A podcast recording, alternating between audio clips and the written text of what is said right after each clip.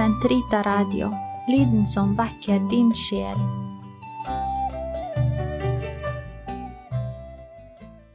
Kroppens teologi, en kommentar til pave Johannes Paul 2.s onsdagskatekeser av Eirik Ambrosius Stenhoff.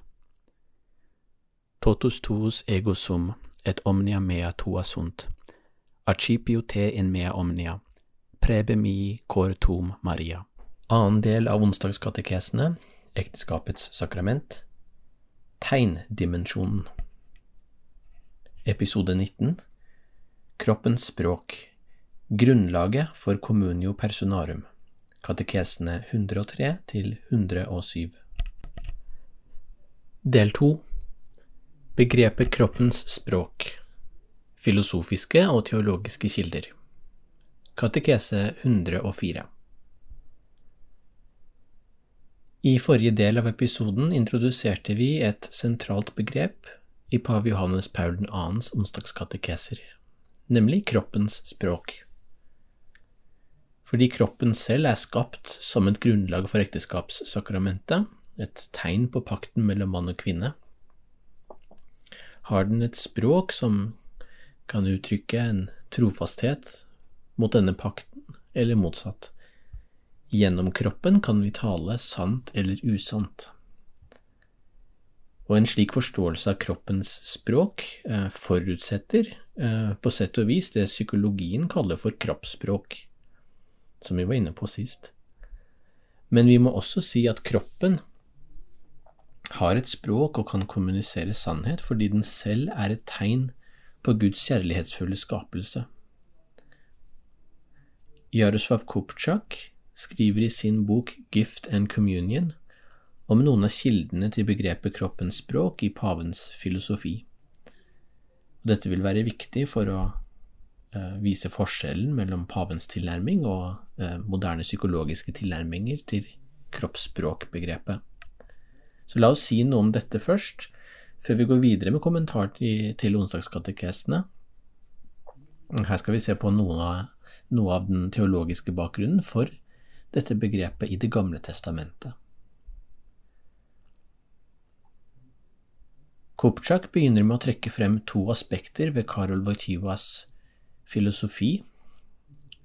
Den ble utarbeidet i de omtrent 20 årene eh, før han ble pave, altså fra rundt 1960 eh, til 1978.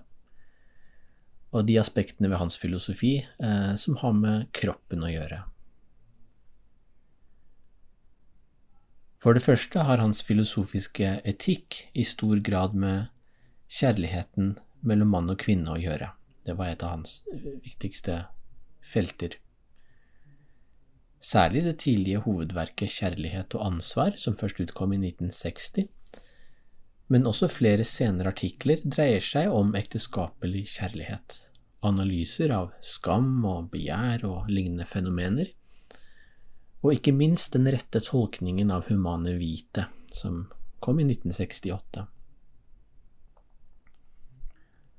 For det andre så har hans personfilosofi en avgjørende kroppslig dimensjon. Den filosofien ble utviklet i Person og handling fra 1969, og i flere essays og foredrag fra 70-tallet som eh, kan leses som kommentarer til person og handling. Begge disse verkene og relaterte artikler har vært omtalt tidligere i denne kommentarserien. Så la oss i stedet, eh, ut fra Kupchak, forsøke å gi en kort oppsummering av dem, ut fra det som er temaet her, nemlig kroppens betydning eller kroppens språk.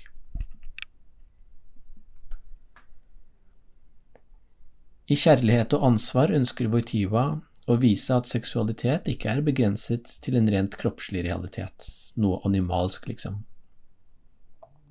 Seksualetikk, sier han, hører til den menneskelige personens domene. Eh, samtidig er det viktig for ham å understreke at seksualdriften er noe som er nedfelt i alle mennesker. Eh, men siden vi er rasjonelle dyr og personer, eh, så har altså seksualiteten en, en personlig betydning som dyrene ikke har. I lys av onsdagskatekesene kan vi si at den er både kroppslig og personlig, altså seksualdriften, nettopp fordi kroppen er personlig, og personen kan ikke forstås uten sin kroppslighet. Med andre ord, vi erfarer oss selv alltid på en kroppslig måte. Så for å kunne leve ut en sant menneskelig seksualitet, som nettopp er kroppslig uttrykt kjærlighet, kan vi verken glemme den personlige eller kroppslige dimensjonen ved seksualdriften, eller den seksuelle akt. Dette forplikter oss til å leve det paven kaller for seksualitetens verdi, på en sant menneskelig måte, som eh, person. Det innebærer at man ikke eh, bare kan begjære den andre personen på en sensuell måte. Eh, det truer med å gjøre den personen til en gjenstand for ens egen vilje eller behov for nytelse. Og her kommer jo Wojtyvas begrep om den personalistiske norm inn. Den personalistiske norm innebærer at man kan ikke redusere den andre personen til et objekt for nytelse. Personen må elskes og verdsettes for sin egen skyld. Og dette er en forutsetning for at man skal kunne gi seg selv for den andre på en eh, oppriktig måte, som Gaudium et spes 24 taler om. Og et veldig viktig poeng her er at verken sensualitet eller følelser i seg selv er kjærlighet. Og det kan faktisk true ekte kjærlighet. Nei, kjærlighetens vesen, eh, poengterer Voitiva, er å ville det gode for den andre. Hele den andre personen, altså personens sinn og vilje. Og i så måte er kjærligheten primært en åndelig realitet. Kjærligheten er alltid rettet mot en person, og ikke bare mot det kroppslige aspektet ved personen. Og dette gir oss også en viktig nyanse til hva det vil si å gi seg selv til den andre i den ekteskapelige handlingen.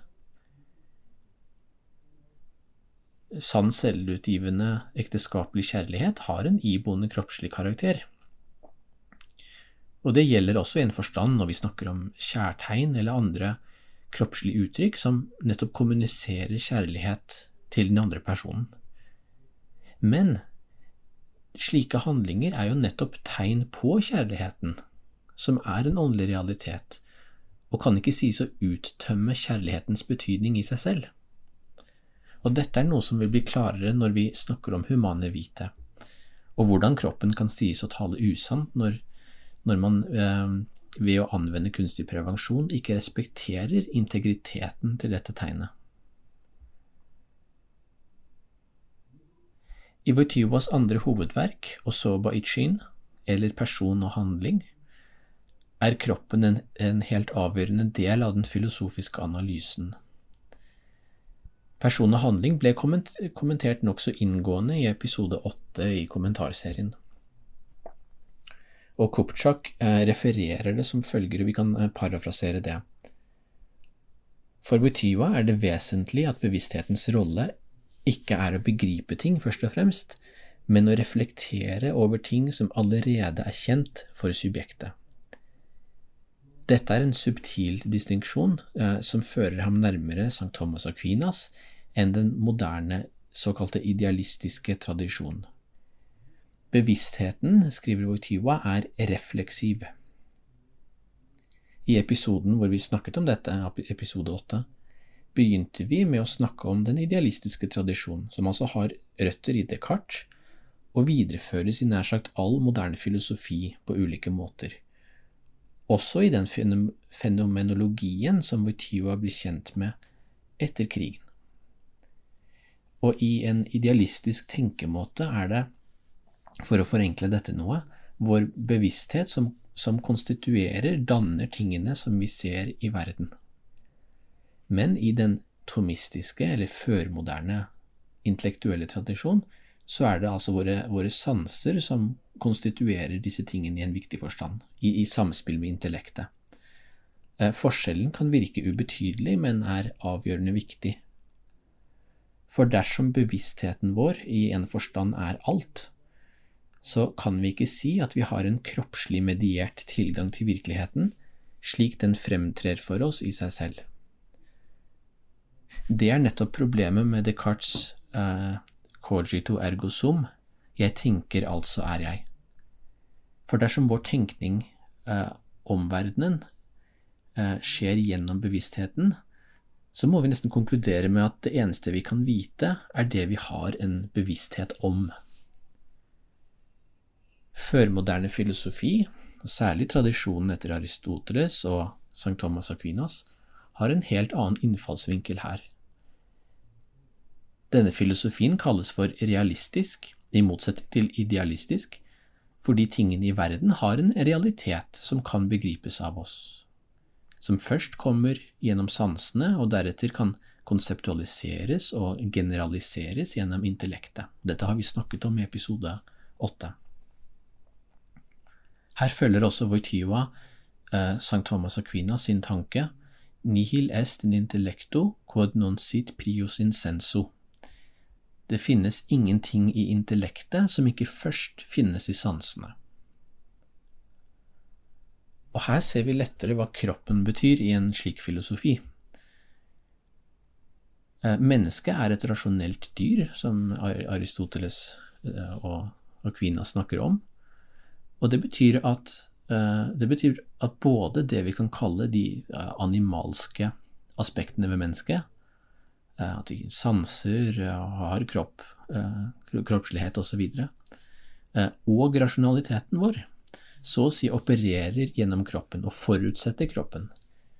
Vi kan ikke se, høre, lukte, og dermed heller ikke tenke eller artikulere egne tanker uten ved kroppen. Og dette synet står i en klar motsetning til et syn eh, der en slags isolert bevissthet er kilden til kunnskap om verden og om oss selv. Også ubevisste kroppslige handlinger, det som tradisjonen kalles for actus hominis, er en del av dette bildet. Det faktum at kroppen stadig er i kontakt med verden omkring, og på en måte som også kan være hinsides vår vilje og vår bevissthet, peker på et fenomen som Wojtyła kaller for kroppens subjektivitet. Og det kan eh, med fordel knyttes, som Kupchak er inne på, til begrepet kroppens språk. For det finnes, som vi var inne på i forrige, eh, forrige del av episoden, både bevisste og ubevisste former for kroppsspråk eller såkalt ikke-verbal kommunikasjon. Eksempler på eh, bevisst kroppsspråk kan være å klappe i hendene, plystre på noen, eller himle med øynene og peke på noen. Eksempler på ubevisst kroppsspråk er å skjelve ukontrollert etter man er blitt våt i regnet, eller kanskje et, et nervøst flakkende blikk overfor noen som man ikke ønsker å treffe. Så I de første eksemplene ser vi at kroppen er en iboende del av hvordan vi uttrykker oss selv som personlige subjekter. Og eh, Tradisjonen kaller dette for actus humanus, altså en, en menneskelig akt, i motsetning til et, en handling som simpelthen eh, bare skjer fordi vi er mennesker. I de andre eksemplene ser vi at kroppen selv kan være kilden til aktivitet, og til dels uten at vi er klar over det, altså actus hominis, ting som bare skjer uh, gjennom kroppen. Og begge disse dimensjonene er avgjørende, skriver Kupchak, uh, i noe som uh, nok er et viktig poeng. De er avgjørende for å forstå pavens tanke om hvordan kroppen kan uttrykke kjærligheten mellom mann og kvinne, eh, gjennom eh, det vi kaller for tegndimensjonen, altså at kroppen har et eget språk. For kroppen gjør dette her gjennom både sensualitet og følelser, som til dels er ubevisste gester og handlinger, men også gjennom bevisste handlinger, og fremfor alt gjennom kjærlighetsakten som fullbyrder ekteskapet og åpner mannen og kvinnen for et nytt liv. La oss nå vende tilbake til katekesene og eh, et viktig teologisk grunnlag for begrepet kroppens språk. I katekese nummer 104 snakker paven om hvordan kroppen eh, ble forstått som et tegn i Det gamle testamentet. I de forrige tre episodene har vi sett på hvordan skapelsesberetningen i Første Mosebok kapittel to Eh, må leses i lys av den store ekteskapsanalogien eh, i Efeserne kapittel 5. I hele den gammeltestamentlige tradisjonen som kommer imellom, finnes det mange tekster som vitner om kroppens betydning. Vi har alt sett på Hosea, Esekiel og litt fra Jesaja i tidligere episoder. Paven sier at vi på bakgrunn av den tradisjonen kan tale om en kroppens profetisme. I profetlitteraturen finner vi altså analogien uttrykt på flere måter, før den får sitt endelige uttrykk i den nye pakten, som et ekteskap mellom Kristus og kirken. Og analogien har to nivåer, sier paven. På det første nivået har vi altså fremstillingen av pakten mellom Gud og israelsfolket som et ekteskap. Pakten er altså et Guds initiativ overfor Israel. Folket er utvalgt av Gud i kjærlighet gjennom pakten han slutter med Abraham og Moses i særdeleshet. Her siterer paven Jesaja 54, slik han også har gjort tidligere. For din skaper er din husbond, Herren herskarenes Gud er hans navn. Det er fra Jesaja 54, vers 5. Så det første nivået av analogien eh, dreier seg om at eh, Gud, paktens herre, er en brudgom for sin brud, som er israelsfolket. Guds herredømme over Israel er først og fremst bestemt av hans kjærlighet for Israel. Og derfor kan Israels gjentatte brudd på pakten, som eh, omtales som utroskap og svik mot brudgommens kjærlighet. Og dette første nivået fører oss til det andre nivået, eh, som er kroppens språk. Nettopp fordi Gud er Israels brudgom og hans pakt med henne som en ekteskapspakt, kan vi også snakke om et kroppens språk her i en analogisk betydning. Profetene i Det gamle testamentet, sier paven, bruker gjentatte ganger et kroppslig eller erotisk språk for å omtale kjærligheten til Gud. Og de bruker også et språk om ekteskapsbrudd eller utroskap for å omtale bruddet mot den samme pakten. Og det førstnevnte, og det, særlig det erotiske språket, ser vi eh, fremfor alt i Salomos høysang. Og Vi skal se på den i detalj i neste episode. Det sistnevnte kommer til uttrykk hos Hosea og Esekiel. Profeten Hosea klager over at Israel eh, ikke gjør noe annet enn å prostituere seg ved å vende bort fra Herren, som det heter i Hosea kapittel 1 vers 2. Også Esekiel omtaler Jerusalem som en prostituert. Men du stolte på din skjønnhet, du drev hor på ditt rykte. Du bød deg frem til enhver som kom forbi, og han fikk deg.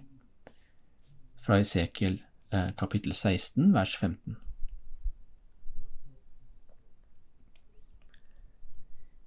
I profetlitteraturen, sier paven, ser vi hvordan menneskekroppen selv taler et distinkt språk. Og dette språket er et språk som kroppen ikke har skapt selv. Det er med andre ord mennesket, som er skapt til en forening mellom mann og kvinne, som har skapt språket. Eh, men det er likevel altså et språk som ikke virkelig kan uttrykkes uten kroppen. Når profetene snakker om hvordan Israel er trofast overfor Gud eller prostituerer seg selv, forutsetter det også at kroppen er i stand til å kommunisere sannhet eller usannhet. Kroppen kan enten fortelle sannheten ved å være trofast mot Guds pakt, eller den lyver ved å begå ekteskapsbrudd. Ekteskapssakramentet forutsetter altså en tanke om kroppens språk. Kroppen er i stand til å uttrykke troskap til sannheten og til å lyve. Og det er egentlig dette som er grunnlaget for å snakke ikke bare om sakramentets eh, gyldighet og troverdighet, men om seksualetikken innenfor ekteskapets rammer. Og det er også flere eh, implikasjoner. For i tredje og siste del av episoden skal vi utdype dette aspektet ved begrepet kroppens språk, og vise en viktig konsekvens eh, som det har hatt for formuleringen av katolsk bioetikk. Gloria Patri et Filio et Spiritui Sancto, sic ut erat in principio et nunc et semper, et in saecula saeculorum. Amen.